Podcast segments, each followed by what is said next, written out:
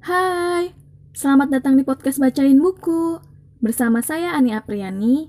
Kali ini saya akan bacain buku berjudul Sebuah Seni untuk Bersikap Bodoh Amat, karya Mark Manson.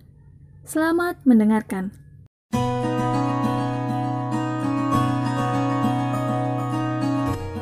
Sebelum bacain buku ini, saya akan mengenalkan sedikit tentang buku ini.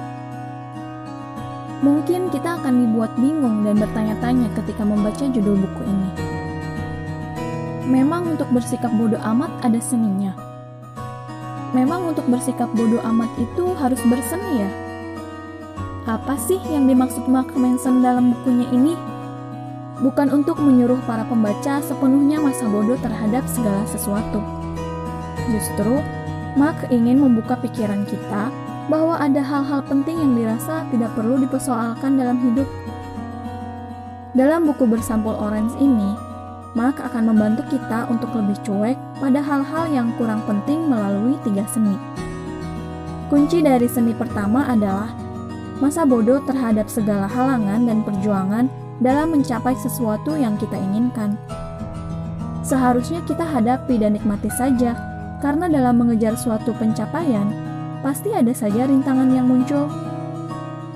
Seni kedua, temukan hal-hal penting dan berarti untuk diprioritaskan sehingga kamu bisa lebih mudah untuk masa bodoh pada hal-hal sepele. Adapun seni ketiga mempertegas seni sebelumnya, yakni kita mulai dapat memilah mana yang lebih penting saat beranjak dewasa. Walaupun hal penting itu tampaknya sederhana, tetapi kita bisa tetap bahagia dengan kesederhanaan itu. Mark Manson menuangkan gagasan dan argumentasinya dengan lugas dan terstruktur. Tidak lupa dipertegas dengan cerita-cerita tentang pengalaman hidupnya.